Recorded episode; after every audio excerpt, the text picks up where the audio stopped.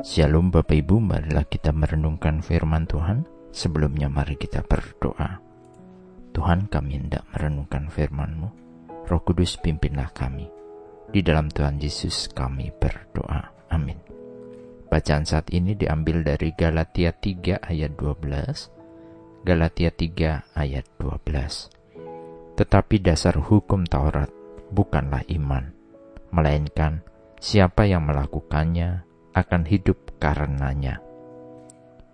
Perkembangan teknologi dan informasi menjadikan kita bisa mengakses semua hal, bahkan hal-hal yang mempertanyakan tentang keimanan. Jika kita tidak dalam pemahaman yang benar dan baik, maka kita akan membuat banyak kesimpulan menurut versi kita masing-masing, sehingga kemudian kita bisa memiliki kesimpulan yang bisa membawa dan mempertanyakan iman percaya. Bukankah ini yang sedang terjadi dan menjadi fenomena di dunia anak muda saat ini?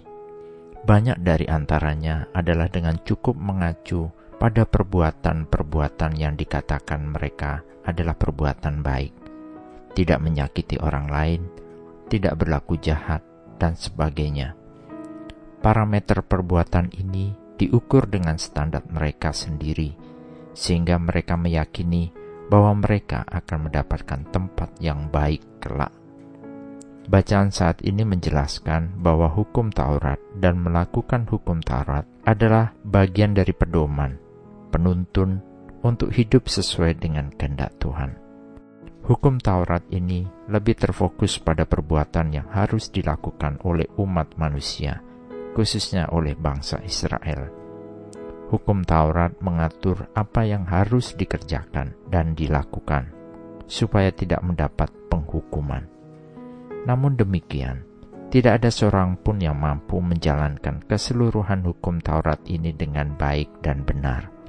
Bahkan di dalam Galatia 2 ayat 16, secara tegas di sana dituliskan, "Kamu tahu bahwa tidak seorang pun yang dibenarkan oleh karena melakukan hukum Taurat, tetapi hanya oleh karena iman dalam Kristus Yesus.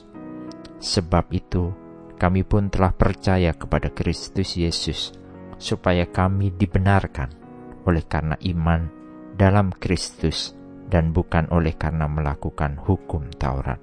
Sebab tidak ada seorang pun yang dibenarkan oleh karena melakukan hukum Taurat.